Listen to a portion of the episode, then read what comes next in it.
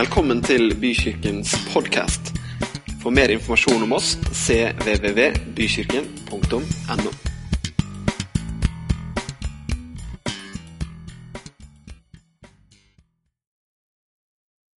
Ja. Jeg sa ikke så mye i stad om hvor jeg kommer fra. og sånn. Unger er ikke interessert i det. Jeg bruker ikke opp tida på det. Så kan jeg si det nå, da. At eh, Eller er det noen som er her nå, som ikke var her i stad? Det er kanskje lurt å vite òg. Så ikke vi driver og snakker om i stad hele tiden, og så blir det Nei, det ser ut som alle var innom i stad. Eh, jeg bor i Kristiansand sammen med familien min. Jeg skal få se bilde av dem etterpå. Eh, og så eh, kommer jo ikke derfra, da. Vi kommer fra riktig side av fjorden, litt lenger oppi her. Fra Moss. Både kona mi og meg. Vi er vokst opp i de frie evangeliske forsamlinger i Moss. Og så begynte jeg på Ansgarskolen i sin tid, og etter det har jeg jobba og vært i Misjonsforbundet. Jeg ville gjerne inn i Frelsesarmeen, men da sa fruen nei. For da måtte hun inn i Frelsesarmeen og bli offiser òg. Det var ikke aktuelt. Så da ble det Misjonsforbundet videre. Og så øh, jobber jeg i noe som heter Misjonsforbundet Ung, som er på en måte det som da heter Ung i Frie Evangeliske og PBU i pinsebevegelsen. Eh, til daglig nå 100% Men jeg har jobba mange år sånn, som menighetsar menighetsarbeidende 50-50 omreisende og i menighet. Og da har jeg jobba stort sett med barn og familie opp igjennom. Så har jeg to barn. Jeg har to barn som er blitt voksne. Eh, plutselig. Det kom litt overraskende på, på oss.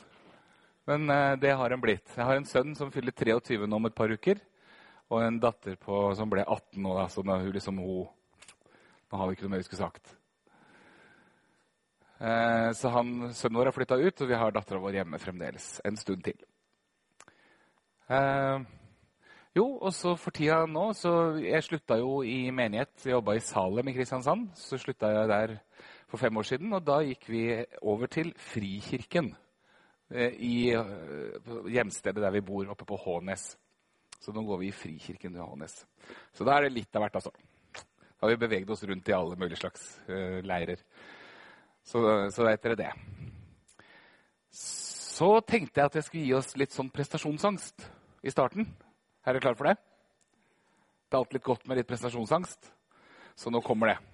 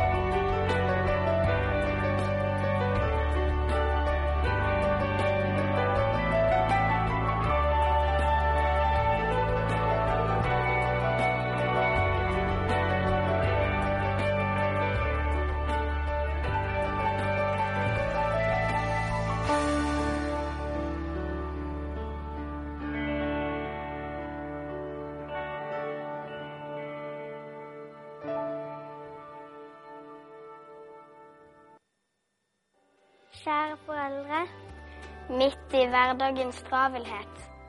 Husk på at dere er ansvarlige for at vi vokser. Fysisk, mentalt og åndelig. Om dere innser det eller ikke. Det er dere som har størst innflytelse på oss. Vi ser opp til dere. Hvis dere ønsker at vi skal følge Jesus, led oss ved å være gode eksempler fortelle oss om Jesus. Be!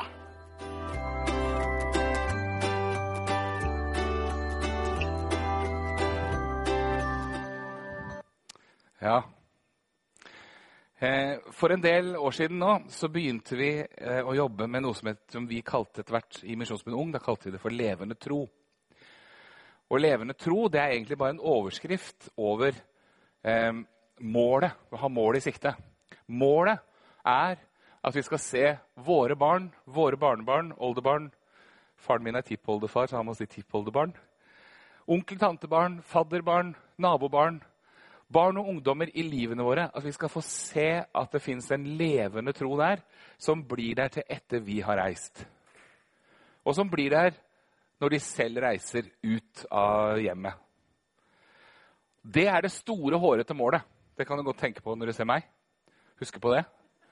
Det store, hårete målet som kan gi oss skikkelig prestasjonsangst.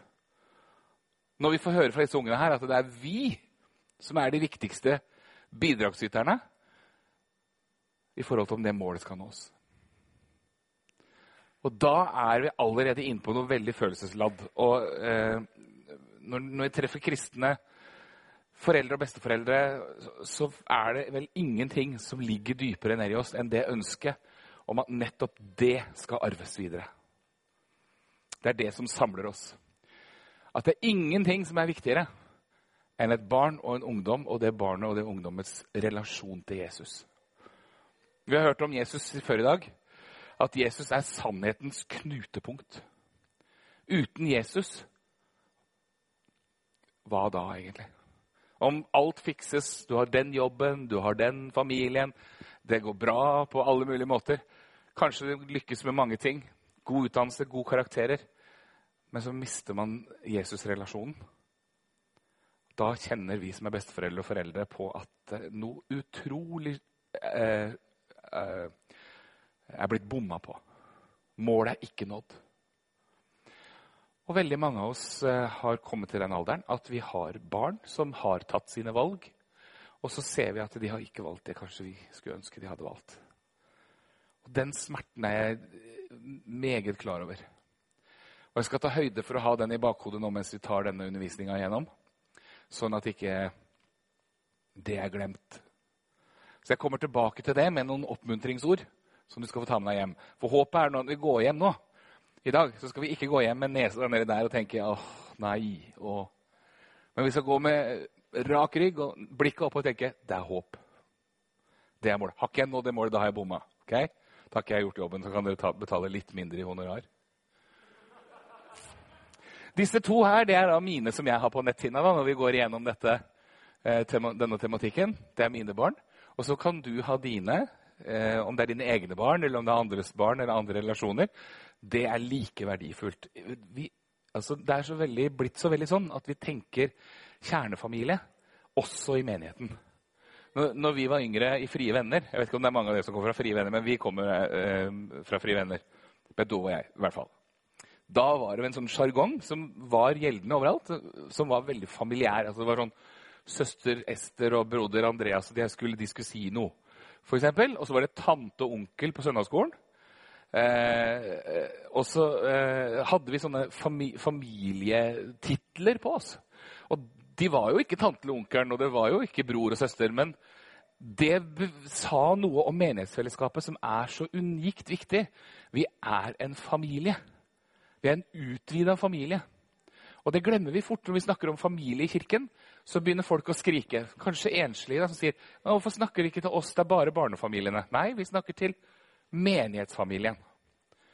Så når vi sier ordet familie, så betyr det både privilegiet familie og ansvaret familie. For har du ikke egne barn, men er med i Guds menighet, så har du barn. Det sier Skriften faktisk òg. Så vi, et, vi, deler privilegiet, og vi deler ansvaret.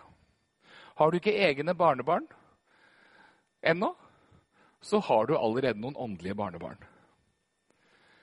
Eh, og dette begynner allerede helt ned i alderen 12-13-14 år. Da begynner noen allerede å være en mor og en far for noen.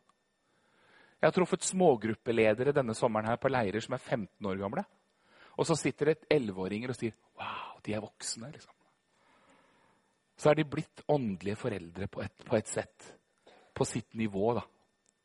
Så det er det det handler om. Storfamilien. Men det handler også om kjernefamilien. Det handler om noe som skjer hjemme i huset vårt, ikke bare i kirka.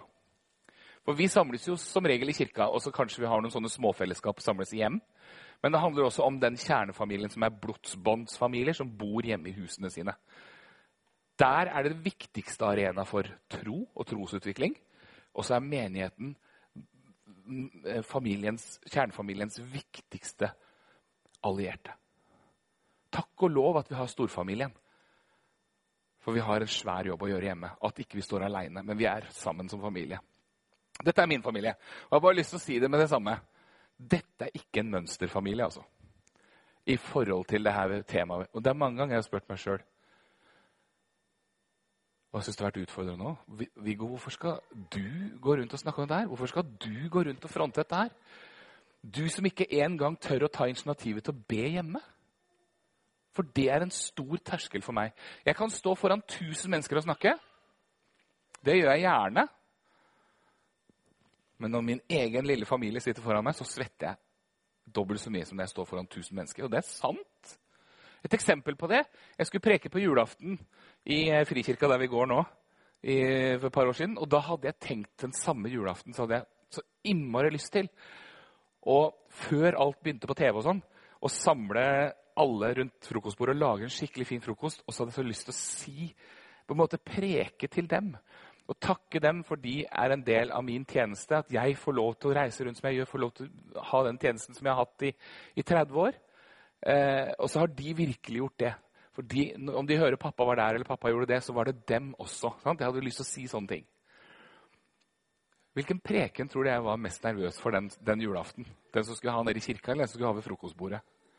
Jeg ordna og jeg styra med det frokostbordet, og jeg var helt sånn der, gikk opp og ned. og Bare det å bryte den barrieren og si noe og sette ord på åndelige ting foran familien min, som du vanligvis er bare vant til å snakke om gymtøy og tidspunkter og fin du er på håret eller stygg du er på håret. Alder, sånn.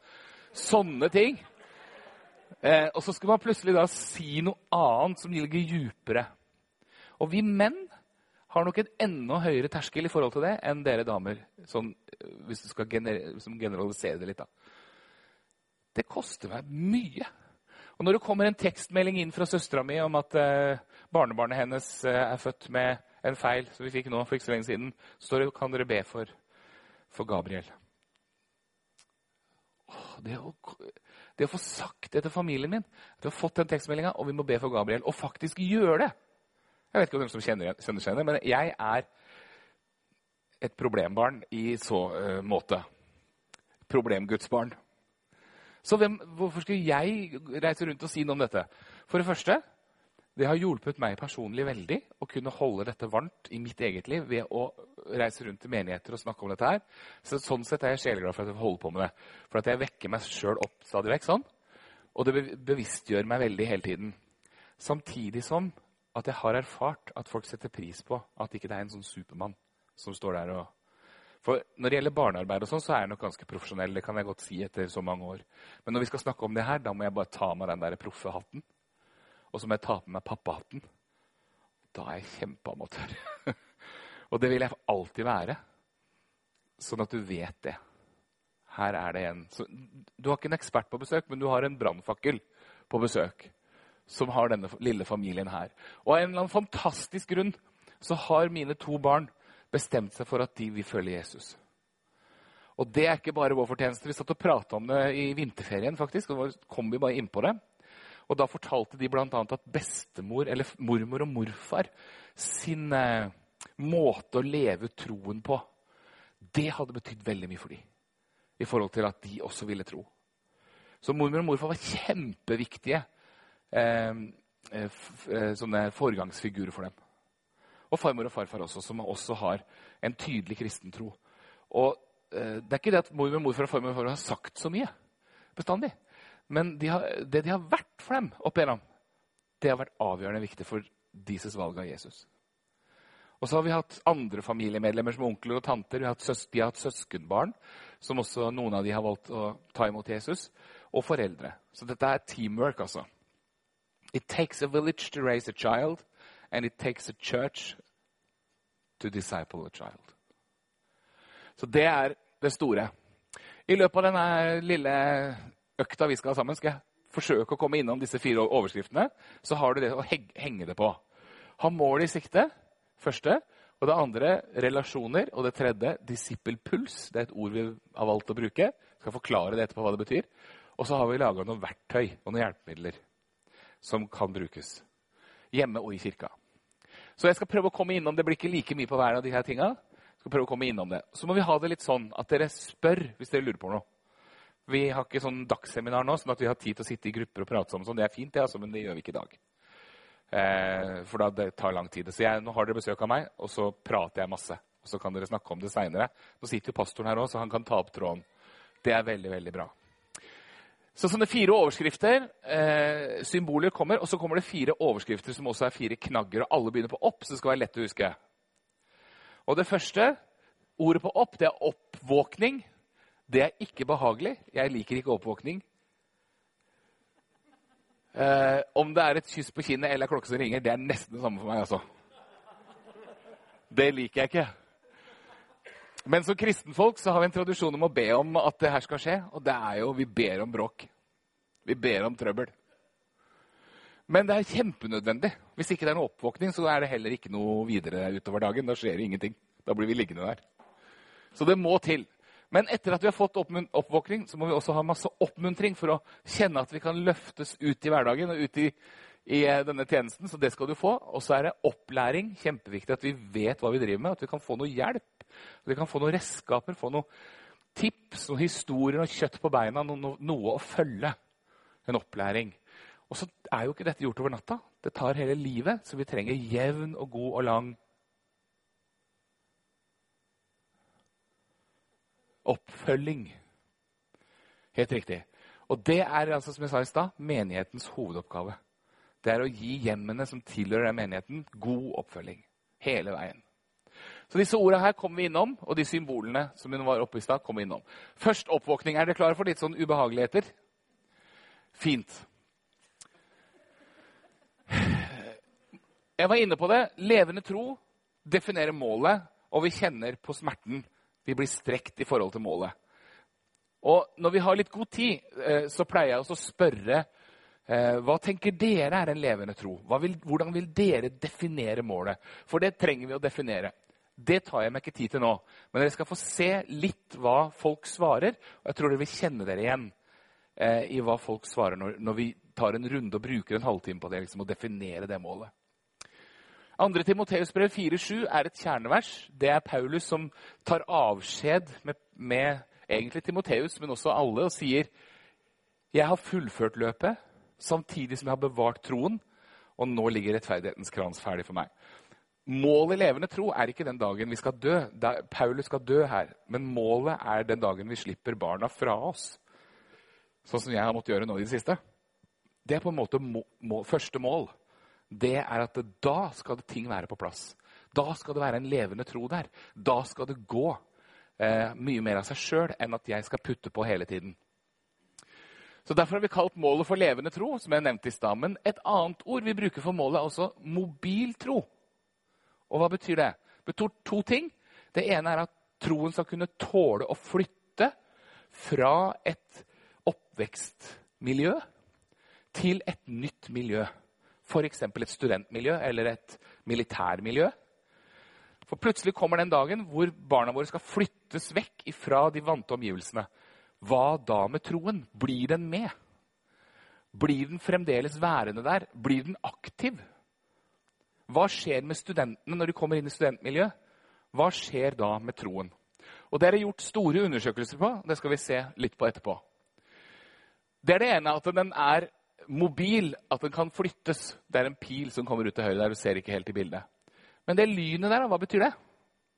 Det er en annen betydning av mobil tro.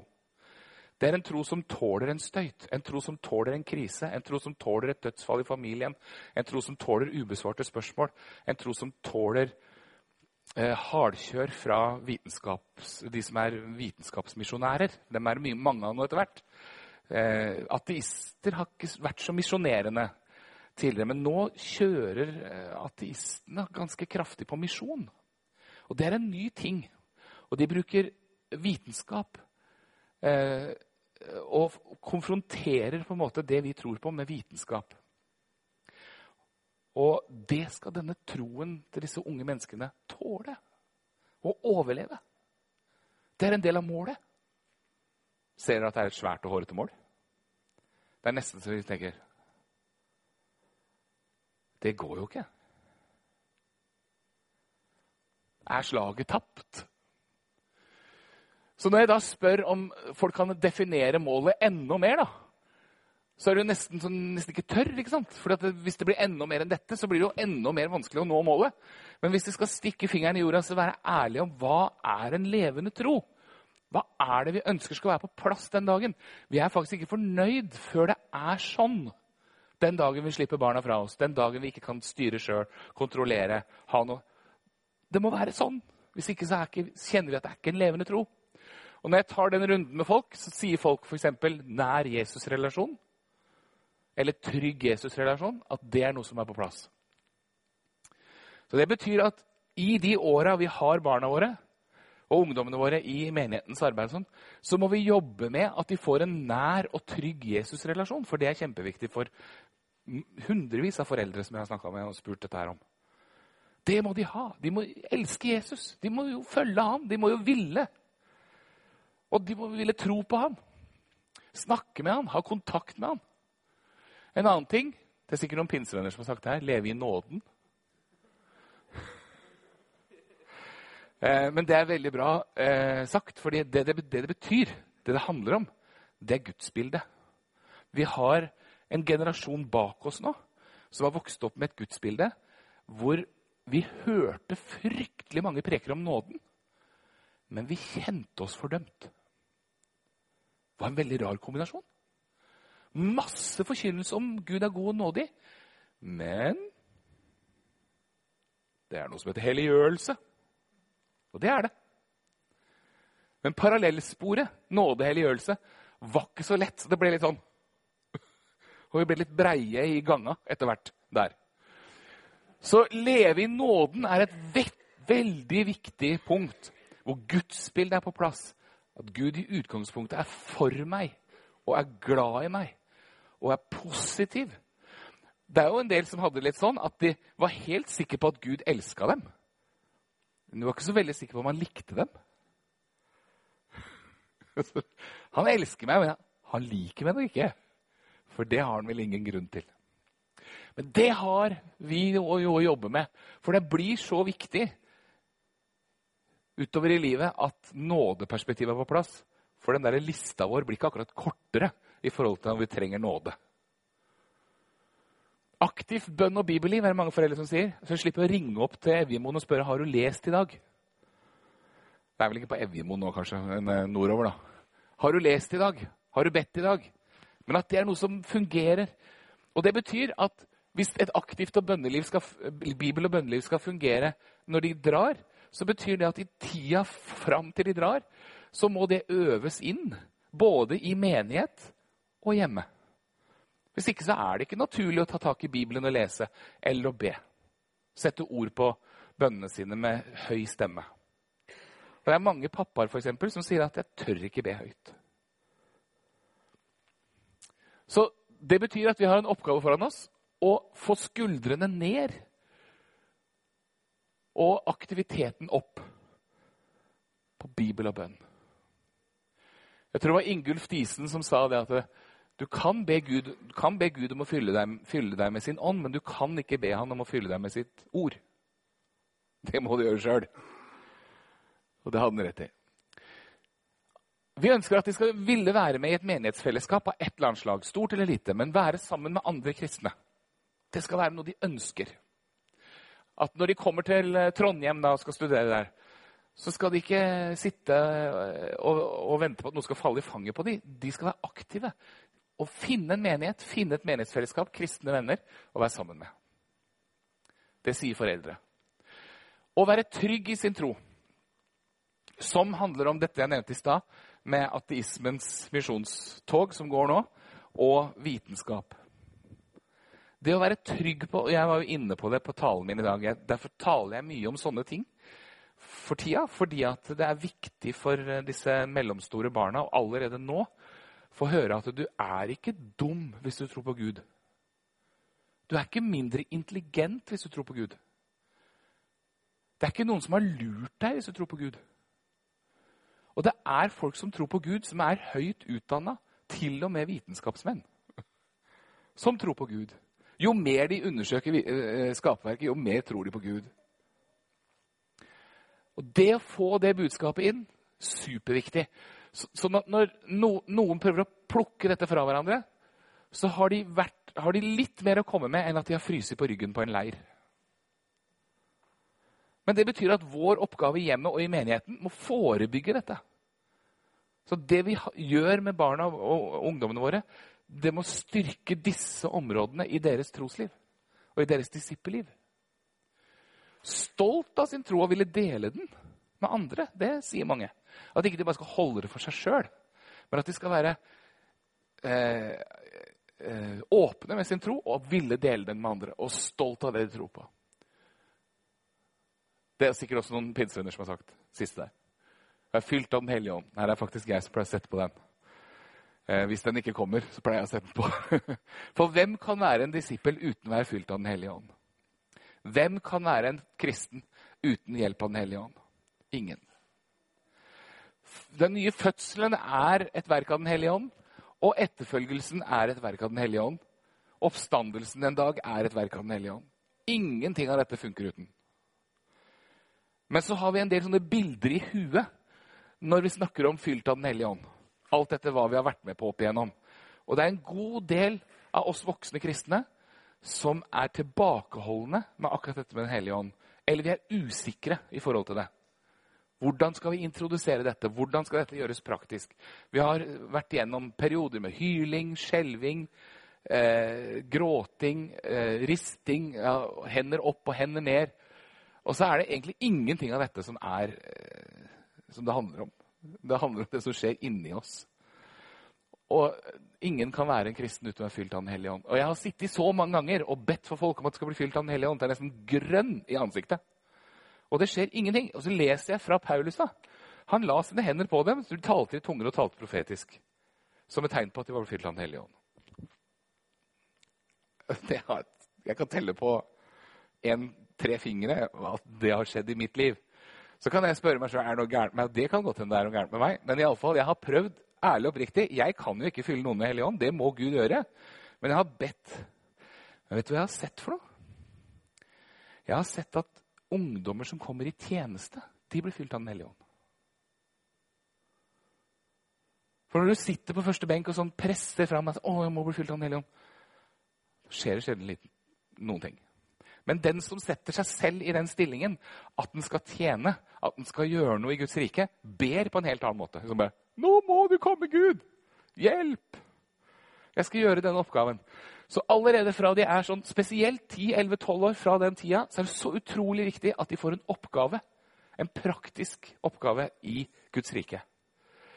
Tilpassa den eh, pakka de er utrusta med som mennesker. Og både av fødselsgaver og nådegaver. Eh, og så vil de oppleve dette fantastiske når du fylt av Den hellige ånd. Når jeg tenker tilbake i mitt eget liv, så var det sånn det skjedde i mitt liv òg.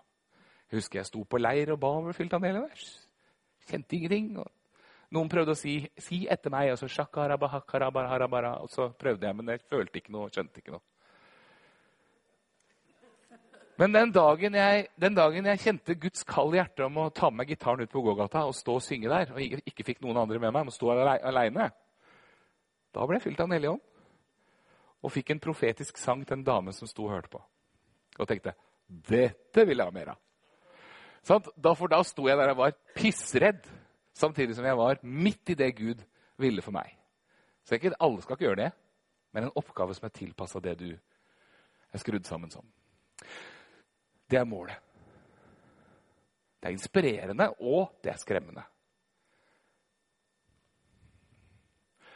Hva er det tallet der? Bortsett fra at det er fartsgrensa mellom Kristiansand og Stavanger. Så lei av det. Men hva tror, hva tror, dere? Er det noen som har noen forslag? Det er noe prosent. Helt riktig. Og dette er den ubehagelige oppvåkninga. En amerikansk undersøkelse som er gjort både for 13-14 år siden og nå igjen for en 5-6 år siden, av et eh, eh, undersøkelsesbyrå som heter Search Institute, og som er drevet av noe som heter Barna Group. Det har ikke noe med barn å gjøre, men han heter George Barna, han som driver det. Og de har funnet ut at i amerikansk kultur så er det sånn at 70, og kanskje noe mer, prosent av alle barn og ungdommer som vokser opp i kristne hjem og kirkelige aktiviteter, når ikke det målet vi har definert nå. Kanskje tar med seg en slags tradisjon videre. Eller noe vi i vår kultur vil kalle for barnetro. Det er altså en tro som på en måte er litt i frøform og ikke voksne. Så de tingene vi har satt opp som en sånn Sånn må det være. Det kan ikke være dårligere enn sånn. Det målet blir ikke nådd. 70% Og jeg satt i USA første gangen denne undersøkelsen ble gjort. og satt på en konferanse i USA og hørte dette ble lagt fram av fortvila kristne professorer. Og jeg tenkte å, så deilig det er å være norsk. Så skulle ha det litt på avstand. Nå må det være fælt å være amerikansk. Sitte og høre denne grusomme undersøkelsen. Og så sier professoren, for at alle virkelig skulle forstå hvor ille dette var Hvis dette fortsetter i vår kultur, så blir vi som Europa, sa han. Og da skjønte alle at det var gærent. Og da våkna jo vi som var fra Europa og tenkte hva sier han nå? Så viser det seg at dette her er mye mer fremskredent i Europa enn i USA. Og det har ikke forandra seg noe særlig heller. På den undersøkelsen som ble gjort for bare noen få år siden, så er det den samme trenden. Ennå vi har jobba mer, altså. Men dette er tydelig at dette her tar tid. Og vi ønsker jo ikke at en så stor Altså det er et større høl i bøtta, i bånn i bøtta, enn, det renner mer ut enn vi får nye inn. Det er ikke noe framtid. Det, er død, det er døden, det. Så denne undersøkelsen, om de hadde det travelt i USA, så hadde vi det enda mer i Europa.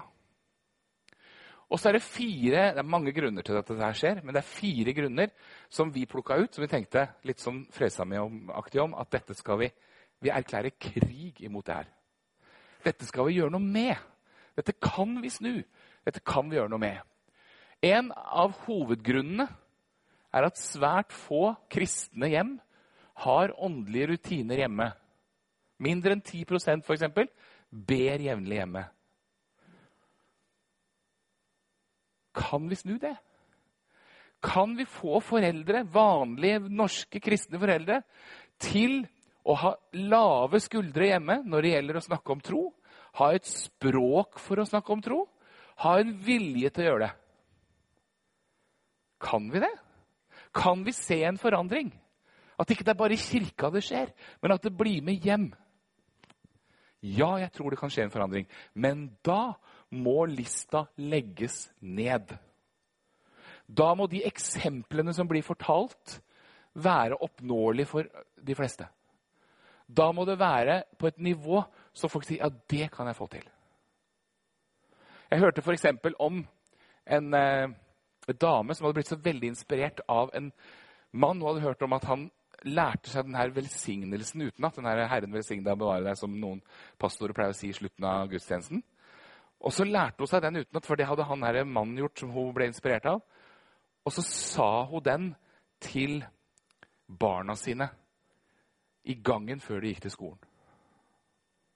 Og Det begynte hun med sa hun, når sønnen hennes var tolv år. Og de første gangene så var han litt sånn Hva er det her? Men han var en av de som etterlyste det etter hvert, hvis det ble glemt. Da var han, Ja, men den derre velsignelsen, du må ta den. Og For hun opplevde at det, ja, men det der kan jeg få til på morgenen. Eh, før, når ungene går på skolebussen. og sånn, så kan jeg ta, Det kan jeg få til. Jeg kan lære meg den utenat, og så kan jeg si den. Så Det er sånne eksempler som kan få det til å skje hjemme. At det faktisk er så nedpå at det skjer.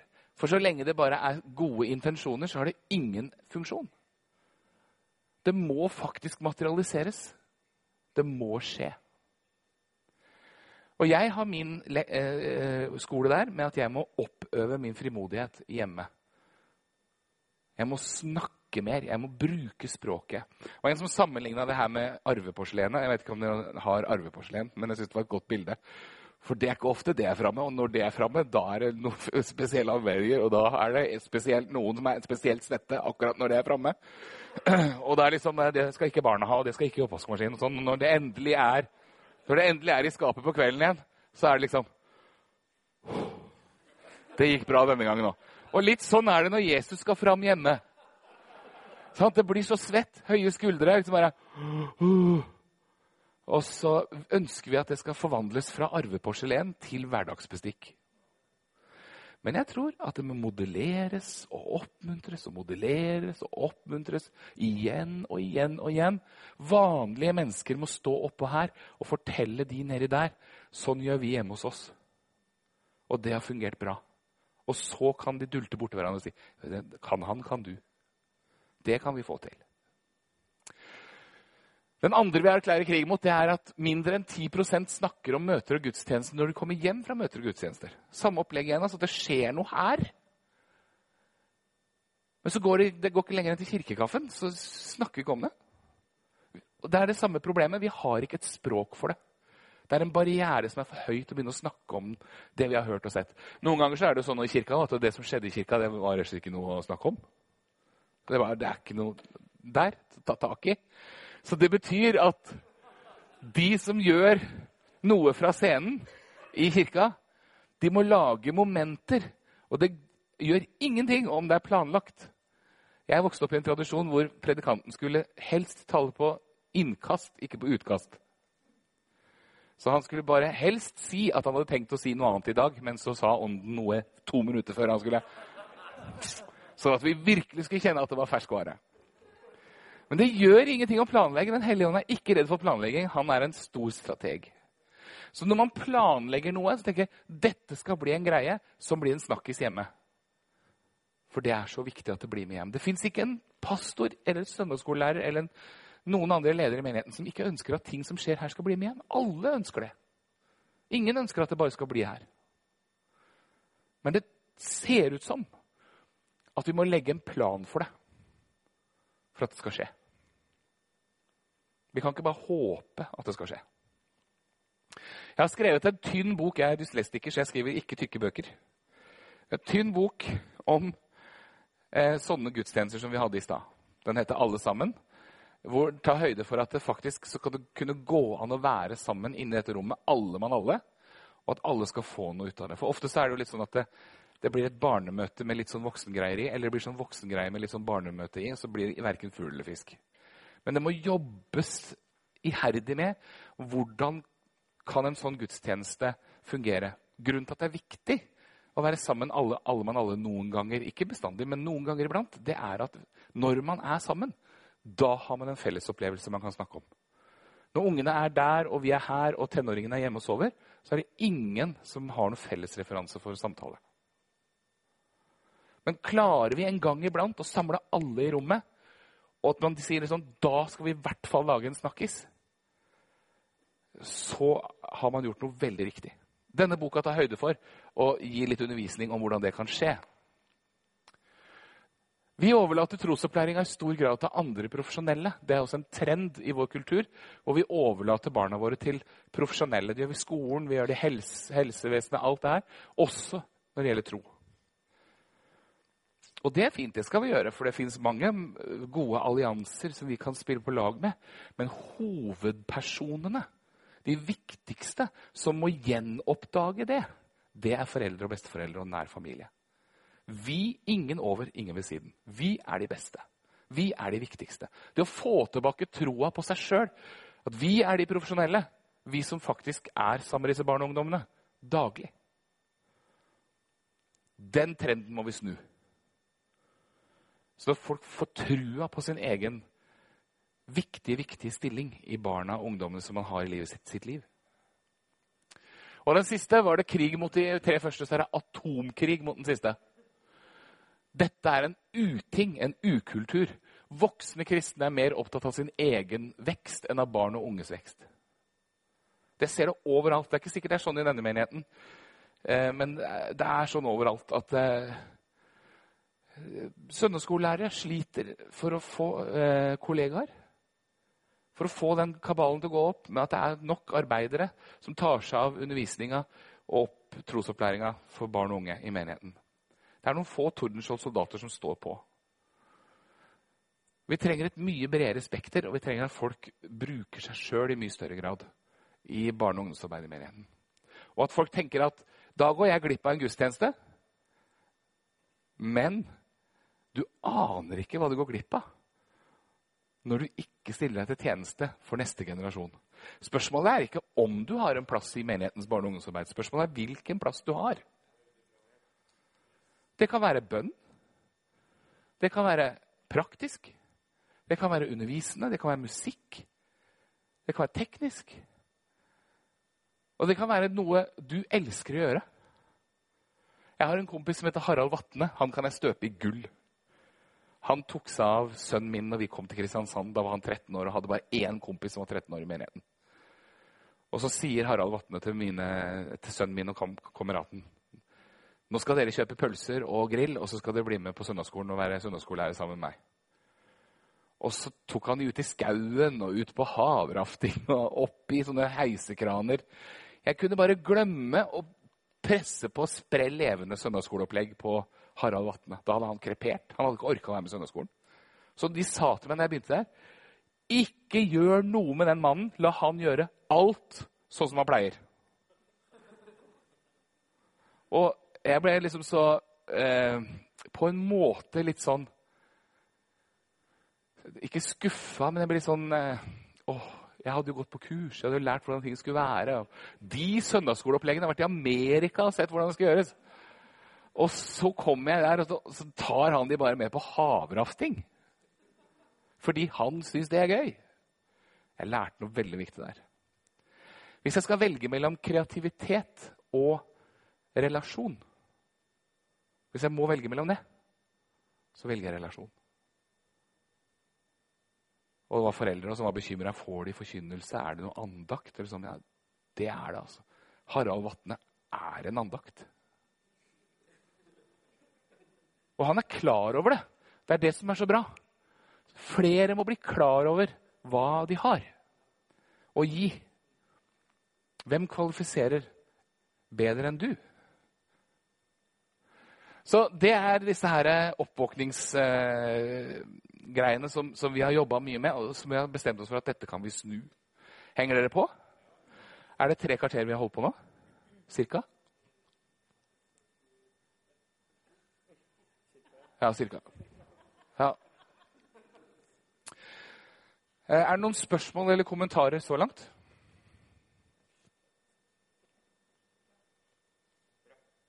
Dere er med? Ja. Flott. Da går vi på neste. Oppmuntring. Og den er fra, den er fra eh, meg og min himmelske far til dere som sitter i disse stolene akkurat nå. Og så håper jeg at dere kan oppmuntre deres folk med de samme oppmuntringene, og kanskje andre ting også som dere har, som ikke jeg har. Den aller, aller viktigste egenskapen vi besitter i våre kirker, er at vi kan være en relasjon. Vi kan ikke antageligvis konkurrere med Disney Channel eller andre ting i forhold til underholdning. Vi kan ha mye bra, men vi kommer dårlig ut. Vi klarer ikke å matche det ungene får på eh, de aller mest profesjonelle kanalene. Og de har jo masse ikke sant, i spill i, eh, hele livet sitt. Hele er fylt av det. Men de får ikke relasjon på de kanalene. Til og med så er det noen ganger sånn i idretten at ikke de opplever relasjon. Men prestasjon. Men der er det jo selvfølgelig noen som opplever god relasjon. Men vi har en styrke i Guds menighet, og det er relasjon. Vi kan være noe for noen. Vi kan være til stede i noen menneskers liv. Og En bok jeg vil anbefale varmt om dette, det er en bok som heter 'Åndelige foreldre', skrevet av en som jeg vil anbefale enda varmere enn boka. For hun er tilgjengelig til å komme rundt og, og møte dere. Og hun heter Torbjørg Olin Nyli. Og eh, har jobba bl.a. i Ungdom i oppdrag og i pinsebevegelsen i mange år er nå pastor i, i Misjonsforbundsmenigheten rett utafor Arendal. Og der, i denne boka her, er det mye gull. Spesielt kanskje til min alder og oppover. For å se hvilke muligheter vi har til å bety noe for andres barn. Og våre egne barn og barnebarn. Eh, og være bevisst på at ikke vi skal parkere. At ikke vi skal, nå er det oss, liksom. Nå skal vi skyfle inn til våre egne liv. Nå har vi liksom tatt vår bøyg. Nå skal neste generasjon ta sin. Denne boka her, den handler om at vi har noe å gi. Så den selger jeg der ute hvis du har lyst på den. Den er herved anbefalt. Så veien mot målet, da, det er relasjon. Første intro 4.15-16. Det kommer jeg tilbake til. Det er Paulus som sier noe som vi nesten kan synes er litt blærete sagt. Jeg skal vise dere det etterpå. Og det handler om relasjon. Vi har en start der, og den kommer jeg, tilbake, jeg til til slutt. Det er litt spesielt å ta starten til slutt, men vi gjør det på den måten for at det er viktig å ha mål i sikte. Hele tida. Når vi har mål i sikte, da kan vi navigere. Da kan vi vite holder vi på med noe vi skal. Holder vi på med noe som er viktig? Er vi på vei mot målet? Og nå har vi definert målet. Nå vet vi det koster en del av oss å komme dit.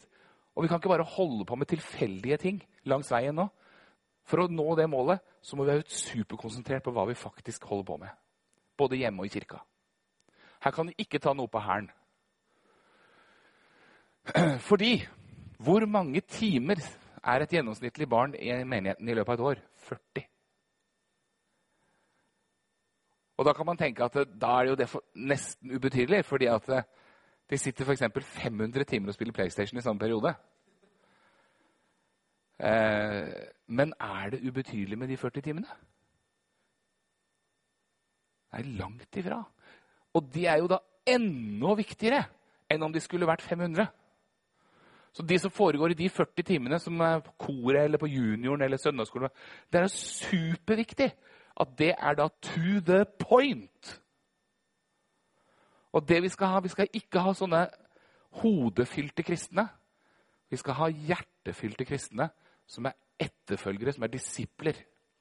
Når ble disiplene frelst? Lenge etter de ble disipler. Jesus kalte de, og de ble disipler. De begynte å følge han, og plutselig så skjønte de at de måtte bli frelst. Men det tok jo sin tid. Peter fikk jo den derre Å, kanskje det? liksom. Du er den levende Guds sønn, du. Ja, det er du. Det må kanskje jeg gjøre noe med. Det må du kanskje gjøre noe med, Peter. Men da hadde de vært disipler en god stund. Og så var frelsen et delmål, men det har for oss, i hvert fall i pinsekarismatisk tradisjon, vært et hovedmål. Men det er ikke et hovedmål. Det er et delmål. For etter frelsen så kommer det en etterfølgelse. Og hvis man ikke da har nære relasjoner i de 40 timene, som har lagt opp til noe skikkelig bra, som når målet, da sliter vi. Og så er det 3000 timer sammen med nær familie og venner i samme periode. Når du tar bort jobb og soving, så står vi igjen med 3000 timer som vi er sammen med da andre på fritid eh, og av fritidsaktiviteter. Det betyr at det som skjer hjemme, det er fryktelig mye viktigere enn det som skjer i kirken. Så kirken er fryktelig viktig, og det som skjer hjemme, det er fryktelig, fryktelig, fryktelig viktig. Og Det betyr at hvis kirka ikke eh, lar, eh, lar det gå inn over seg, at det er hjemme det skjer, så blir heller aldri det som skjer i kirka, med hjem. Hvis ikke menighetens lederskap forstår at de viktigste barne- og ungdomslederne våre det er mammaer og pappaer, onkler tanter og bestemor og bestefar, da sliter vi. Så det er mammaer og pappaer, onkler og tanter og bestefar som må få full pakke når de er i kirka. Så de kjenner at de kan gå hjem til sine nære, nære relasjoner og dele av det de har fått. Og det skjer heller ikke tilfeldig. Så her kreves det en plan. Og det gjør ingenting å slå sammen disse 40 og 3000 timene. Da. da har vi gjort noe lurt. Når det skjer det samme i kirka som hjemme, det er ikke dumt. At det er en plan på det. Og den utfordringen den går til alle menighetens lederskap som vi jobber med i Misjonsforbundet. Kan dere sette ned en arbeidsgruppe som lager en plan for alt som foregår i kirka? At det skal bli med hjem? hvordan det kan se ut. Og hvordan foreldre og besteforeldre kan få full pakke av oppfølging og oppmuntring og hjelp langs veien. For det er de som gjør jobben hjemme. Så hvem av de tror dere som er hjemme på hjemmearenaen, er det som stikker av med seieren, som folk sier det er den viktigste åndelige relasjonen jeg har? Hvem tror dere stikker av med seieren? Det er mamma. Det viser den samme undersøkelsen som jeg var inne på i stad. Og På en annen plass så kommer pappa, da, heldigvis, og så kommer øvrig familie. I vår del av verden kommer øvrig familie på tredjeplass. I USA kommer kirken på tredjeplass. For kirken har en mye større plass i folks liv i USA enn den har i vår kultur. Men hos oss så kommer øvrig familie på tredjeplass. Og så kommer pastoren og søndagsskolelæreren og, og juniorlederen. Faktisk i den rekkefølgen. Men så er det altså dette her med at vi har ikke et språk for det, vi har ikke en dialog. Så det er bare 28% som har dialog med sitt største åndelige forbilde. Og viktigste åndelige relasjon. Om åndelige ting. Så det snakkes ikke så mye egentlig. Og bare 13% har det med far, har de spurt det. Så de er viktige forbilder, men vi har ikke dialogen. Så stadig det du kommer tilbake til, at vi må hjelpe de relasjonene til å få et språk, til å få skuldrene ned, til å skjønne at de er de viktigste. Til å kunne klare å uttrykke seg og vite hvor de skal. Hva er neste steg? Hva skal jeg gjøre nå? Det er en veldig utfordring for menigheten. Torbjørg Oline sier i boka si, som jeg nevnte i stad Hun har, eh, har, en del barn og ungdom som hun har spurt og intervjua i denne boka. Og så er det noen barn som da sier Tenk om de voksne hadde tatt mer tid til oss. Men så er det nye sykler, og så er det Birken, og så er det ferier, og så er det oppussing, og så er det Ja. Og Torbjørn Oline sier de er en farløs generasjon, også i åndelig betydning. Vi overlater ungdomsarbeid til unge mennesker. Og de med livsvisdom og gudskjennskap de trekker seg tilbake. Det må skje en hjertevekkelse til, der fedrenes hjerte vendes til barna og barnas hjerte til fedrene. Malakias 4,6. Det siste verset i Det gamle testamentet. Og det er ingen tilfeldig rekkefølge på det der. Først må våre hjerter vendes mot barna, før vi kan forvente at deres hjerter skal vendes mot oss. Jeg oppfatter et rop fra de unge som etterlyser tydelige og trygge voksne, som inviterer hjem til seg, og som tar tid til å lytte og forstå uten så mye aktiviteter på agendaen. Hvorfor skal de unge gå alene? Relasjon. Nærhet. Og jeg nevnte jo tante og onkel eh, på søndagsskolen for når vi var små. Tante Gerd, onkel Kjell. Jeg husker ikke så mange prekener av tante Gerd og onkel Kjell. Men jeg husker hvordan de lukta. Det husker jeg. Jeg husker ansiktet veldig godt. For de var der, og de var der, og de var der, og de var der. Og jeg er jo søsken som er 20 år eldre enn meg, og de var der da òg når de gikk på søndagsskolen. Samme folka. Og Jeg husker ikke detaljer fra den søndagsskolen, men jeg var jo der en del år. Og de var der en del år. Og det ble noe fundamentalt eh, sterkt i livet mitt. Og jeg kan peke ut Rangvald, Kjell, Øystein. De hadde fulle jobber ved siden av alle sammen. Ingen av dem var ansatt i menigheten. Men de ga seg til oss. Ikke verdens beste forberedte prekener osv. Men hva hadde jeg, og hvor hadde jeg vært uten dem? Og Særlig i den alderen hvor jeg leita etter andre autoriteter enn mine egne foreldre. Da var det viktig hva andre sa, ikke hva foreldrene mine sa.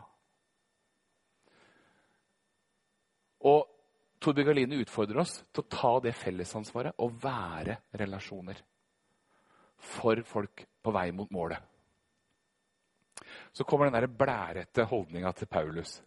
Er det noen som kan tenke seg hva det er ute, eller som har slått opp på tjuvkikka? Paulus han sier, 'Jeg ble deres far'. Og han var jo ikke gift, og uh, anbefalte jo ingen andre å være det heller. Uh, 'Jeg ble deres far', sa han, 'i Kristus, da jeg ga dere evangeliet'. Så sier han bleisettende Ha meg til forbilde.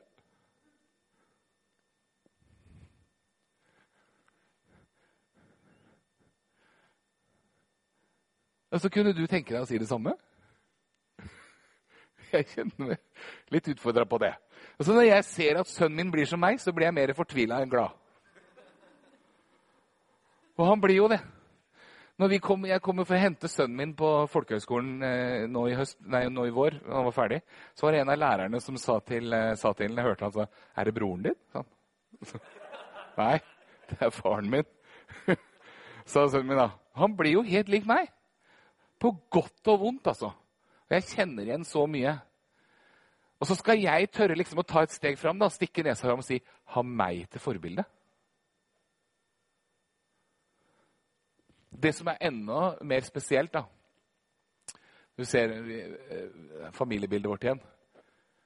Det er når Paulus sier denne setningen i et annet brev, men det er i samme livet altså, han sier dette her.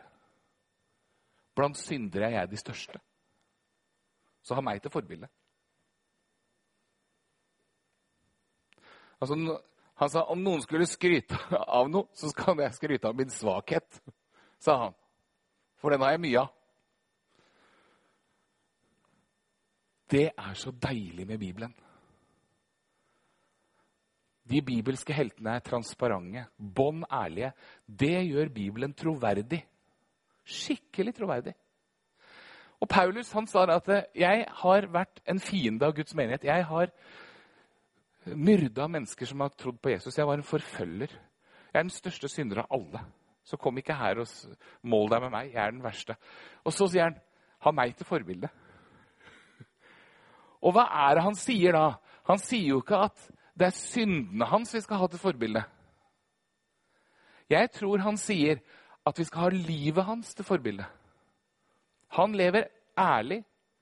Vi vokste opp i en tid hvor det var mye sånn bak fasaden. For fasaden var viktig. Og den skulle være ordentlig. Så når vi kom i kirka, så var det på med smilet og nikke. Og vi visste jo hva som foregikk bak fasaden, men det måtte for, det ingen andre vite. Det er en veldig stor grunn til at unge mennesker i dag sier dette er ikke troverdig for meg. Jeg kan ikke tenke meg å være en kristen, for jeg har sett hva det er for noe fra innsida. Jeg vil heller ha en sønn som sier ja, er det noen som virkelig trenger Gud, så er det faren min. Han trenger Gud. Enn at han skal si er det noen som virkelig tror han er noe mer enn han er, så er det han. For jeg kjenner han, jeg. Det er jo min relasjon til Jesus jeg vil han skal ha som forbilde. Det er jo min avhengighet og min kjærlighet til Jesus jeg vil han skal se. Og si 'Det der som pappa har, det vil jeg ha'. Og når han, når han, har vært mellom 16 og litt over 20 år nå, så har jo han vært perfekt, han. Han har jo ikke noe feil, han gutten min.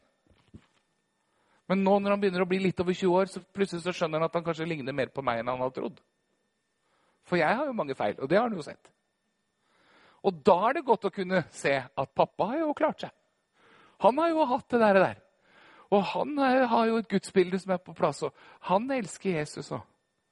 Det vil jeg gjøre òg. Så jeg tror at enhver av oss kan si det som Paulus sa. Ha meg som forbilde med stor frimodighet. Ikke på bakgrunn av hva vi er og har fått til. Og poenget her er ikke å være perfekt, poenget er å være ekte. Hel ved. Det er troverdig. Og det koster å fortelle om sine sprekker, sine fall. Men det kommer et tidspunkt i livet hvor jeg kan si til sønnen min det der har jeg hatt problemer med òg. Har du? Ja. Fortell. Ja, nå skal du høre. Da følger han med. Det står et veldig rart vers i Hebrebrevet 11,21. I Hebrebrevet har du hele det stolte kapittelet av alle de trosheltene. Men som sagt, disse trosheltene de er gjennomsiktige i Bibelen. Og Der står det jo den ene etter den andre. Sara trodde Gud. Å, å Sara. Det er som disse fotballplakatene som henger på rommet. ikke sant? Hall of Fame er dette her kapittelet her i Hebrevet 11. Der alle de store heltene er klistra opp på veggen. Og Vi ser Sara, vi ser Rahab, og vi ser Noah, og vi ser alle de her damene og mennene som er så høyt, står så høyt på lista, og trodde Gud. Men så står det at Jakob her, som er en av dem, i tro velsignet Jakob da han skulle dø, begge sønnene til Josef. Da er vi jo midt inne i bildet vårt. Da skal han gi det videre til neste generasjon. Men så står det et sånt forstyrrende vers. så bøyde han seg i bønn over knappen på sin stav. Da blir jeg mer opptatt av den knappen enn av resten av bibelverset. Hva slags knapp var det? Som han liksom trykka han på den, og så ble det en paraply, eller hva? Men i en annen oversettelse så står det så står det bare på toppen av sin stav. Ok, det er det det betyr. Ja, Men hva, hvor, hva trenger jeg å vite om den staven, da? Om det var på toppen eller bånn eller hva? Og så viser det seg at det er en haug med sånne staver i Gamletestamentet. Ikke bare VM på ski. Masse staver!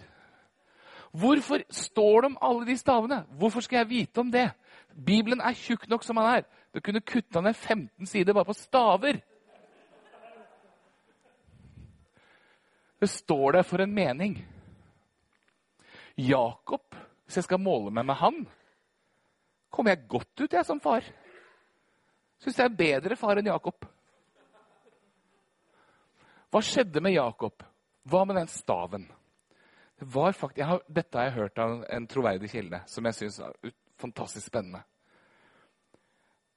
Det var faktisk sånn på den tiden at eh, de skribla ting inn på staven når det var noe som virkelig var sjelsettende. Så måtte de huske. For disse gubbene de hadde sånne staver. Og Det var ikke sånn som de bare liksom kasta fra seg og tok en ny. De hadde gjerne hele livet denne staven og skribla inn på den ting som de ville huske. Og så sitter de kanskje rundt leirbålet der, da. og så peker ungene til Josef på staven til farfar. Og der står det en, rippa inn en stor dråpe, f.eks. Så spør de hva, hva er det for noe, farfar. Hvorfor er det en dråpe der? Nei, det er ikke en dråpe, sier farfar. Det er en tåre. Hvorfor det? Jo, så begynner han å fortelle. Fordi jeg var en dårlig far. Satte brødrene opp mot hverandre. Så havna faren deres i Egypt fordi brødrene begynte å hate Josef. For jeg ga han masse gaver, og jeg skrøt han opp i skyene, og så ble de andre misunnelige. Og det ble min største sorg i livet. Det kan jeg kjenne meg igjen i. Det jeg er mest lei meg for, er ofte min egen skyld. Jeg har sørga for mye dumt i mitt eget liv. Og så kan hans blemmer bli til velsignelse for barnebarna sine. Og for oss, fordi historien ble nedskrevet, og nå kan vi den. Og det er til velsignelse for oss. Fordi, Jos, eh, fordi Jakob var ærlig med livet sitt, og ikke bare liksom glorien kom fram, så kan vi kjenne oss velsigna. Tenk på Moses, da, som hadde en stav. Husker dere hva han måtte gjøre når han fikk sitt største kall i livet? Da måtte han legge staven sin ned. Og hvis staven er et bilde på livet, så er dette det største kallet vi kan få, det er å være foreldre og besteforeldre. Og nære relasjoner til mennesker som kommer etter oss. Da må vi legge vårt eget liv ned og si 'Jeg eier ikke dette livet lenger'. Dette er Guds liv. Og når Guds lys kom på staven, hva ble den til? En slange. Det kjenner jeg meg igjen i. Og akkurat som Moses sa sånn Der kan du se! Det er meg! Det er han du spør om å dra til Egypt. En slange. Jeg er en morder. Jeg kan ikke snakke. Jeg er en forferdelig fyr. Du ser det her. Det er livet mitt. Og da sier ikke Gud Slapp av, jeg har en ny stav. Han sier ta slangen i halen. Og han gjorde det, så ble det en stav igjen. Den skal du gå til farao med. Du skal gå med ditt eget liv som referanse. Og jeg skal sørge for at mine undre skjer i ditt liv. Og så gikk Moses, selv om han følte seg som en orm. Og hadde fått det bekrefta òg han møtte Gud. Og så har vi David. da. Han begynte jo veldig bra. Goliat sa tror det er en hund som lar meg jage av en kjepp. Og David hadde med seg kjeppen slynga og stein. Er ikke det fryktelig tungvint? Burde han ikke ha lagt kjeppen hjemme? Det er jo nesten like tungvint som å ha med seg den for store rustningen til Saul. Sånn kjeppen liksom sånn, under der. Og slynga og stein og sånn der. Skulle han ikke legge fra seg kjeppen? Å nei. Nederst på kjeppen så hadde David skrevet bilde av en løve og en bjørn. Gud var med meg da jeg møtte løven og bjørnen. Nå møter jeg han. Midt i lunsjen. Nå trenger jeg vite at Gud er med meg. Han hadde sin referanse med seg. Og så slo han Goliat. Men så vet vi at David han trakk seg jo litt tilbake når han ble sånn i 40-åra, sånn som meg. Sånn litt sånn tilbake og sendte de andre i striden. Sjøl gikk han litt opp på taket der og surfa på Internett. Og så kom han jo inn på batsebo.com.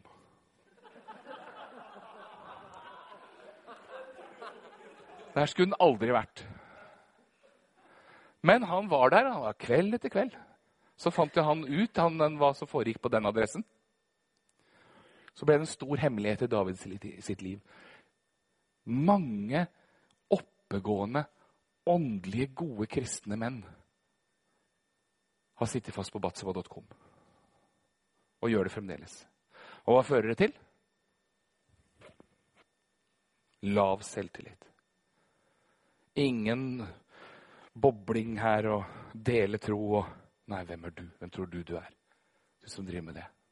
Og, eh, David hadde jo var så heldig han hadde en profet gående rundt hjemme som stadig liksom kunne liksom si fra til ham. Det er jo ikke alle vi som har. Men det hadde David. Og han fikk liksom dette opp og ut. Og det er et stort forbilde. Han fikk det opp og ut. Og så fikk han nåde. Han måtte ta konsekvensen av ting han hadde gjort, for dette var gått så langt. Men han fikk nåde. Han fikk lov til å være den Gud hadde satt han inn til å være. Han angra ikke sin nådegave. Og så skriver David en sang som hele koret skal synge, om sine største blemmer. Hele koret i tempelet skulle synge. Salme 51. Guds bilde er på plass. Nåde. Han hadde et transparent liv. Kan David, kan jeg.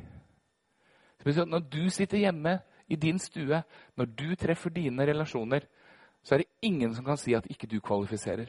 Hvem kvalifiserer ikke bedre å gi evangeliet videre til, den, til neste generasjon enn de som har vært i helvete og tilbake igjen, f.eks.? Det kan hende det sitter noen veldig pene, pyntelige kirkedamer her med en tatovering et sted ingen vet.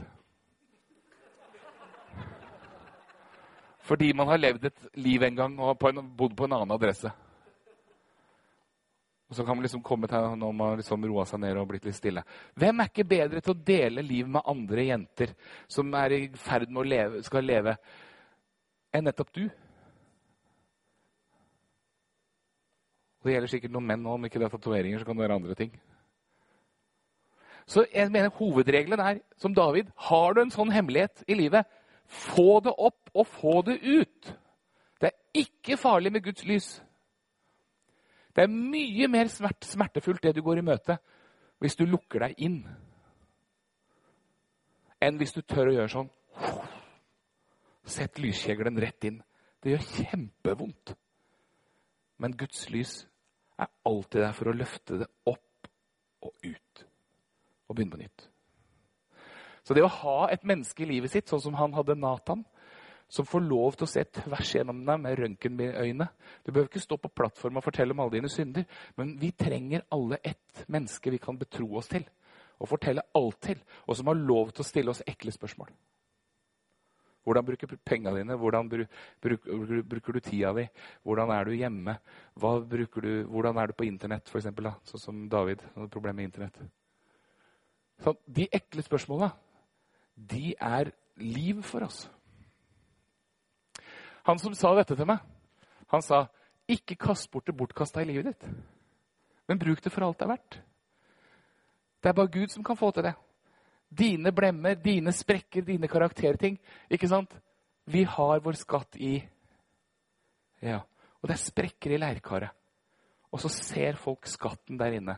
For at folk skal forstå, sier Paulus, at den veldige kraften kommer fra Gud. Ikke fra deg. Og at sønnen min skal kunne si ja, er det noen som trenger Gud, så er det pappa. Nå skal jeg snart lande her. Jeg tror, jeg tror vi må gi oss kvart på tre. Det er riktig. Det er, er der vi er ferdig. Husker dere den siste gangen Moses la fra seg staven sin? Da skulle han dø. Og da hadde Gud kalt han opp på fjellet. Og så hadde han sagt til Moses nå er du ferdig, Moses. Jeg skal personlig gravlegge deg her. Nå må du legge ned staven for siste gang. Hvis ikke Moses hadde forandra seg mellom første og siste gang, hvordan hadde han oppført seg da, tror du? For hvor mange av Moses sine barn hadde nådd målet på det tidspunktet? Hvor mange var i løfteslandet? Ingen. Ingen. Det var to stykker som hadde gitt lyst. av de million, eh, millionene som var der, hvis det var så mange. Hvis ikke Moses hadde forandra seg i mellomtida, så tror jeg han hadde sagt det var jo det jeg sa, Gud. Det var jo ikke jeg som skulle gå til farao. Jeg har vært en elendig leder. Jeg har jo ikke fått dem inn i løfteslandet nå. Og nå kjefter du på meg og sier at jeg får ikke lov til å komme inn, jeg heller. Det var ikke sånn. Moses hadde på en måte valget å dø enten i selvforakt eller i at Gud hadde kontroll på historien. Den der statistikken som jeg nevnte i stad, passer godt i min familie. Det er ganske mange i min familie som, For vi er en stor familie. Det er ganske mange av våre barn som ikke har tatt imot Jesus. Og da er det ett ord som er så viktig. De har ikke tatt imot Jesus ennå. Det er mer igjen av historien. Og det er ikke sikkert jeg kan påvirke den historien i full kraft. Vi var enige om at mamma stakk av med førsteprisen her i stad. Og pappa nummer to og øvrig familie. Hvor lenge varer den fantastiske innflytelsen?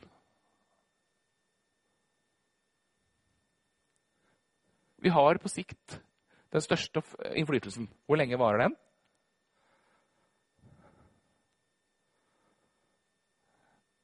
En pappa svarte veldig kort på det. Han sa til dattera mi er 14. Da er det slutt. Men hvor lenge varer den? Forslag? Den varer hele livet, sier du. Hvilket sitt liv? Barnas liv. Mora mi er blitt en gammel dame, og hun sier noen ganger at jeg står og ser meg sjøl i speilet, sier hun, og så sier jeg, 'Er det deg, mamma, eller er det meg?' sier hun til sitt eget speilbilde. Hun er så ille lik mora si. Pappa snakker, han er over 90 år nå. Han snakker mer om barndommen sin og foreldrene sine enn jeg noen gang har hørt han snakke om dem. Og mamma også. Den påvirkningen varer ikke bare for det er mange år siden bestemor og bestefar døde. Men den gjelder nå. De bønnene vi ber nå, sånn som gutten sa her i starten Be, sa han. Det er det beste vi kan gjøre for barna våre.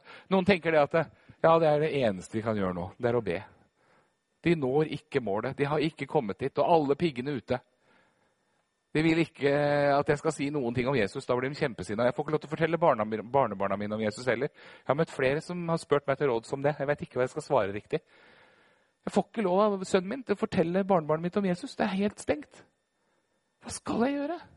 Eller jeg får ikke lov av mannen min til å fortelle barnet mitt om Jesus. Hva skal jeg gjøre? Be. Det er noe vi til enhver tid Det beste vi kan gjøre. Det er ikke sånn at liksom, ja, det er det siste vi har igjen, liksom, som det siste halmstrå vi kan trekke. Bønn er kraft. Når vi ber arbeide Gud, og vi ser i vår familie nå at nå kommer det én etter én med litt jevne mellomrom, så har de gått sin rare vei. Og plutselig er timinga der. Så kommer de tilbake til utgangspunktet. Til korset. Og jeg er så glad for at foreldrene mine lever nå og får se noe av det. Men det kan godt hende at vi som sitter her, kanskje må dø før vi ser noe av det. Glem da ikke Moses, som ikke hadde nådd målet, syns han, i det hele tatt da han skulle dø. Han visste jo ikke om de restende kapitlene med Josva, hvordan det skulle gå. og sånn og så videre. Han visste ingenting. Vi kjenner resten av historien. Det er Guds historie også, ikke bare vår. Og vi må kunne tørre å, legge noe av ansvaret som jeg nevnte på gudstjenesten. Kom til meg, du som bærer tunge byrder, og jeg skal gi deg hvile. Så når barna eller barnebarna våre driver og går sin vei, da skal ikke vi bruke tida på å angripe oss sjøl og si 'jeg har gjort en dårlig jobb', 'jeg var dårlig', 'jeg var ikke frimodig nok'. Det er sikkert noe gærent jeg har gjort. Det utarmer deg. Eller jeg skal i hvert fall ikke si noe på søndagsskolen så lenge barna mine, barna mine ikke tror. Jeg skal ikke få, Hvem er vel jeg til å gjøre det når mine egne barn ikke er på veien? Tull! Du har gjort det du skulle gjøre. Du har vært den du skulle være. Du har gitt det du skulle gi. Og Det kan godt hende du er full av feil. Det overraska ikke Gud at du var full av feil. Så vær frimodig både med din egen familie og med andres familier med din tro nå. Om barna dine ikke ennå har kommet til tro.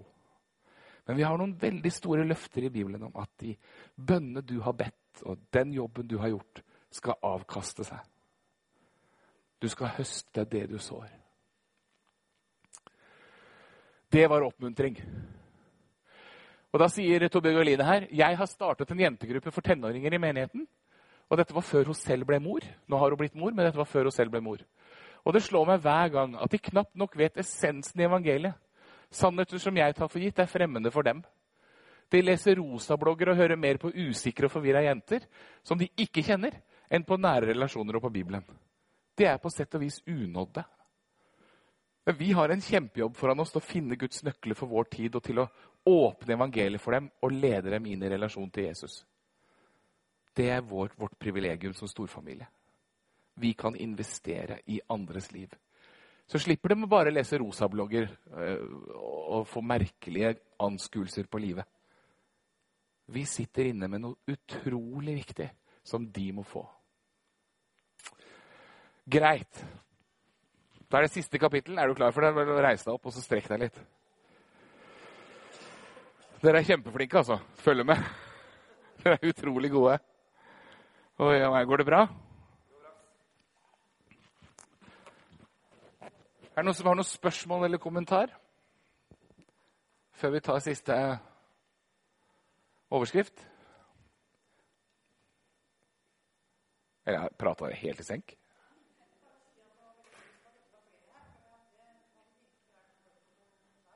Ja, men i og med at du er her, så er det flere som er her. For da, det blir det òg. Blir tatt opp. Og så har du tatt det opp. Og så kan du formidle det videre til dine. Ja, ikke sant? Flott. Det er sånn det begynte med evangeliet. Det var tolv fyrer som hørte det. Og så nå kan hele verden det.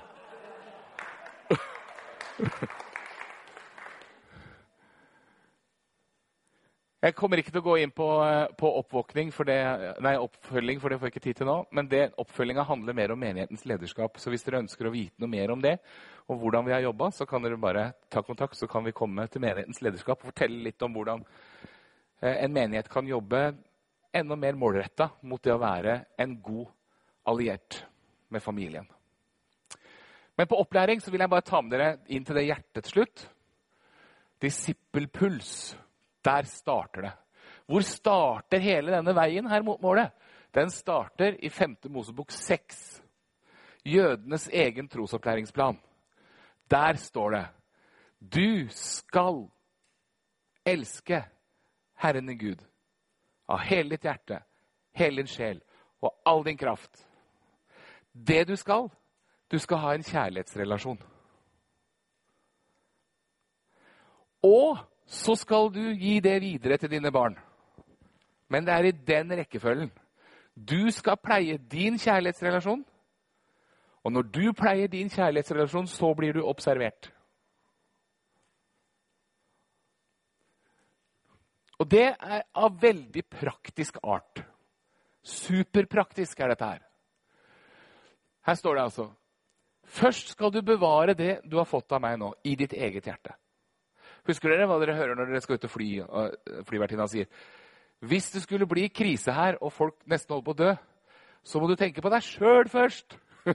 Du må få på deg din egen maske, og så må du ta på barn og andres maske. Det høres superegoistisk ut. Høres ut som det er motsatt av alt det jeg til nå har sagt. Men det er jo helt sant. Hvis du eh, er død sjøl, så kan du ikke hjelpe noen andre med å overleve. Og hvis du strever med å leve, så kan du heller ikke hjelpe noen andre med å, å leve. Så du er nødt til å ta ditt eget åndelige liv på alvor først. Og her har jeg laget en liten sånn disippelpulskalender. Og så har jeg spurt en haug med folk hva slags pulsslag er det du må ha. Jeg er sikker på Hadde vi tatt en runde på det nå her, så hadde alle svart dette som står her. Så jeg kunne lekt profet. Først så kunne dere sagt det, og så kunne jeg hatt det på skjermen med en gang. Liksom, ha-ha, jeg visste det på forhånd. Det har jeg gjort flere ganger. Folk sier de må ha Bibel jevnlig. Det er mandag, tirsdag, onsdag, torsdag, fredag, lørdag bortover der. De må ha bønn jevnlig i livet sitt, sier folk. Dette er pulsslag som jeg må ha gjennom uka, gjennom måneden, gjennom året, for at min tro skal vokse, for at min kjærlighetsrelasjon skal pleies. Så må jeg ha dette her. Jeg må ha fellesskap med andre kristne. Jeg må ha en tjeneste jeg kan gjøre, bruke gavene mine, evnene mine. Og jeg må høre på oppbyggende kristen musikk. Og så er det noen som legger til andre ting også, men dette er fem fellesnevnere. Alle sier det her. Til og med i Finland sa de det her. Og da er det plutselig en del som begynner å sammenligne seg med andre og sier at å ja, ja, ja, ikke sant? Så er det noen damer som sier å ja, jeg må lese Bibelen hver dag. Og så er det noen menn som sier hver dag.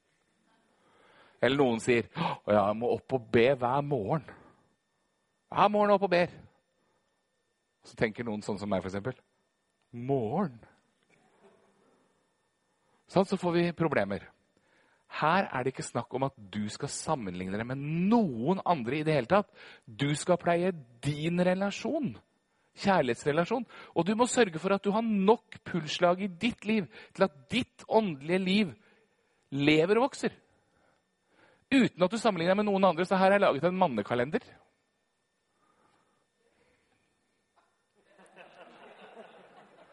Og her gjelder kongstanken en gang til. Det må være oppnåelig. Hvis ikke dette blir materialisert, så er det ingen verdi. Og hvis du er udisiplinert Kan du være en disippel hvis du er udisiplinert? Jeg sliter med eh, ordet disippel bare fordi det har det der ordet i seg. Disiplinert. Det er et kjærlighetsforhold. Drivkrafta her er kjærlighet. Men det får praktiske konsekvenser. Folk sier hvis denne kjærligheten skal leve, så må jeg ha Bibel og bønn og fellesskap. Og, ja. og så blir du observert. Dine egne nærmeste. Og det var en, det var en mamma som sa det. At jeg får ingenting ut av å lese Bibelen når jeg har ungene flyende rundt meg. Så det blir bare, Jeg blir så forstyrra. Jeg får det ikke med meg. Men jeg gjør det allikevel. Så jeg setter meg ned med Bibelen, ser i hvert fall ut som jeg leser Bibelen. Og så leser jeg Bibelen når jeg blir stille, sånn at jeg får noe ut av det sjøl. Hun ville bli observert på at hun leste Bibelen.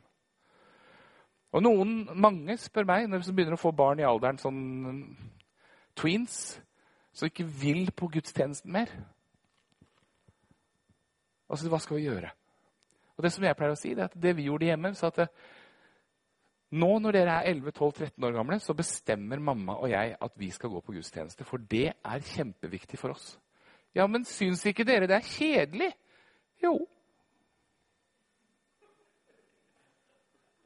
Ganske mange ganger. Men vi trenger det fellesskapet. Altså, så vi gjør det, og så sa vi det, at når dere fyller 15 år, og 16 og 17, så skal dere få lov til å bestemme mye mer sjøl om dere vil gå til gudstjeneste eller ikke. Det lover vi dere, men nå bestemmer vi. Så vi ga dem et litt lys i tunnelen. ikke sant? For vi ville modellere at det betyr mye for oss. Det skjønner ikke du nå. Men hvis du skal fortsette å være kristen, så kommer det til å bety mye for deg òg. Det samme med de andre tingene her, pulslagene. Vi må pleie vårt eget kjærlighetsforhold ved å ha dem i livet vårt. Og så må vi slippe andre mennesker inn i de pulslagene. Og det er ikke å skryte av seg sjøl. Det er som å si som Paulus ha meg til forbilde. Gjør som meg.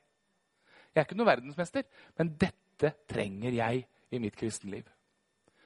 Det er det det handler om. Og så sier Bibelen så fantastisk konkret at dette skjer når du står opp. Er du veldig åndelig hjemme hos deg når dere står opp? Er det et veldig bra tidspunkt for en åndelig opplevelse? Men her er det med Guds ord igjen. Guds ord sier det er bra tidspunkt. Det er et bra tidspunkt. Ok, Hvordan kan det se ut hjemme hos oss? En åndelig opplevelse på morgenen få fram noen historier her oppe av noen som har gjort noe på morgenen. F.eks. en dama som sto med den ringen i gangen. Og det som kona mi gjorde når hun sendte ungene på, på skolen, det var at hun hang sekken på skulderen deres og så sa hun, 'Gud velsigne deg i dag'. Det er veldig mye du kan si på det tidspunktet, men det sa hun. Det er oppnåelig pulsslag. Når du går på veien Vi går jo ikke på veien lenger. Vi går og kjører bil. Det var en pappa som sa det. Jeg får de beste pratene med sønnen min når vi kjører bil. Det er to grunner til det. Sånn. Den ene er at han sitter fast, og det andre er at vi slipper å se hverandre inn i øya. Da får vi det så fine prat. Og det var ikke mange minuttene, men det var fantastiske, viktige minutter. Det er her det skjer, sier Bibelen. Ikke på søndagsskolen nødvendigvis, eller i kirka. Det skjer i hverdagen, på hjemmebane. Og du kan velge om du vil hate minivan-tida i livet ditt, eller om du vil elske den. Hvis du skjønte den. Jeg så bilde av en pappa som var så stolt av minivanen sin. Sånn der, det er sånn litt sånn halvstor bil du må ha når du har litt, fått litt mange barn. Og så var den så blank og fin på utsida, men så åpna han sidedøra, og der var det helt bomba. Det er hverdagen. Det er livet. Jeg må velge skal jeg elske det, eller skal jeg hate det. Når, deg, når du legger deg, og når du står opp. Og når du sitter hjemme. Dette er tidspunktene som det skjer. Og til slutt så skal du få en liten to minutters vakker historie fra en bestemor som har en liten fortelling om hva som skjedde når hun satt hjemme. For når du sitter hjemme, da er tidspunktet for å fortelle historier fra livet ditt. Og hun fortalte en historie, en åndelig opplevelse i sitt liv. Følg med på den. Ja, jeg er så heldig at jeg er bestemor til ti stykker. Og eh, i august så hadde vi besøk av, ei av de, pluss uh, mammaen hos uh, svigerdattera vår. Og vi hadde det koselig, og hun elsker å være hos oss. Og så hadde vi frokost da, den påfølgende dagen, og, og når vi satt der da og skulle spise frokost, så kom det opp i en tanke med nå sitter vi så koselig her. Mannen min var der også, og nå vil jeg fortelle Charlotte åssen det var når jeg ble frelst. Og jeg fortalte hvordan jeg ble frelst, at jeg var 13 år, og at det var på en langfredag formiddag på, på formiddagsmøtet i Salem at jeg tok imot Jesus. Og så fortalte jeg at da fikk jeg et ord av, av far min, og det var det at alle dem som tok imot han, de ga han rett til å bli Guds barn. Så den dagen Charlotte, da tok jeg imot Jesus. Og det har jeg aldri angra på, og snakka en del om det da. Og så kom kvelden, og hun skulle legge seg. Og så ropte hun på mamma, for hun har veldig kontakt, god kontakt med mammaen sin. da. Og så gikk, eh, gikk Jorunn inn da, og satte seg ned med henne og snakka med henne. Og så sa hun det. Vet du hva mamma sa? Jeg tror på Jesus. Og nå vil jeg at du skal be sammen med meg, sa hun. For nå vil jeg vite at i dag er min dag. I dag har jeg tatt imot Jesus. Og nå vet jeg at det er min dag, at det er min frelsesdag. Og så ba de sammen. Og neste morgen, når de sto opp og vi hadde ny frokost, så fikk vi den gode nyheten at Charlotte hadde bestemt seg fra nå av skulle hun Visste hun Hun hadde tatt en bestemmelse, og hun visste at nå er jeg Guds barn. Og den bestemmelsen tror jeg er god for alle mennesker. Bare komme til det en tror, men at en gjør noe med det og tar imot Jesus. Og vite det at da er jeg Guds barn. Amen. Hvis du vil ha flere historier, denne boka er full av de. Hverdagshistorier fra norske forhold. Ti skribenter, bl.a. jeg, som har skrevet her om ideer, tanker, praktiske tips for norsk hverdag i det å gi troen videre når du er hjemme. Eh, vi har også utvikla litt ulikt materiell. Noen har studert og funnet ut når unger er klar for hva. F.eks. så er ikke barn under ti år så veldig klar for å forstå lignelser. Men de er i stort behov av å høre historiene om lignelsene. De behøver ikke få de forklart. De vil bare høre de om igjen og om igjen. Så her er det et materiell som eh, gir deg litt tips om hva barna dine kan absorbere i den alderen de befinner seg i nå, i mellom 0 og 20 år. En liten sånn eh, trekkspillvariant her som du kan ha på kjøleskapet. Og så er det litt mer utfyllende her, som du kan lese litt mer om det. Og her er det et hefte til menigheten, så de kan snakke det samme i menigheten som hjemme. Så her er det tips til søndagsskole og junior sånn som, til en sånn plan. da. Men hver menighet bør legge sin plan. Så hvis dere vil, så kan dere få med dere brosjyrer når dere går, og, eller kjøpe bøker og DVD-er og sånn som jeg har. La oss be. Takk, Jesus, for at vi som sitter her, representerer mange, mange, mange barn og ungdommer. Og akkurat nå så løfter vi akkurat de barna og ungdommene opp på ditt fang. Og så ber vi om at målet må bli nådd. At de skal få en Jesus-relasjon i sitt liv som aldri blir borte. At de skal elske deg. Du ser de som er på vei ned fra ditt fang. Vi ber om at du må ta dem opp på fanget ditt igjen. Og du ser de som driver og går disse her lange veiene som de da tydeligvis må gå. Hjelp oss til å ha hvile i at du har kontroll i deres liv. Og tro på at du hører våre bønner. Og vi ber om at en dag så skal det tidspunktet være der for at de kommer til deg og sier de må gi livet sitt til deg. Vi ber om at ingen av de barna vi har tenkt på i dag, skal gå fortapt. Men vi ber om at alle skal komme til deg. Jo før, jo heller. Takk for denne menigheten. Be at du skal velsigne menighetens lederskap og alle som hører til her. Be at du skal la menigheten vokse. Men be først og fremst at du skal la menigheten få lov til å vokse i styrke innad. Sånn at relasjonene inni her kan være gode og varme. Og skape det vi lengter etter skal skje. Jesus, det er ikke alltid jeg er like flink til å pleie mitt kjærlighetsforhold til deg, men jeg elsker deg. Du vet alt. Men du vet jeg har deg kjær. Takk for din nåde. Amen. Takk for at jeg fikk komme. Gud velsigne dere. Og vi ses sikkert igjen.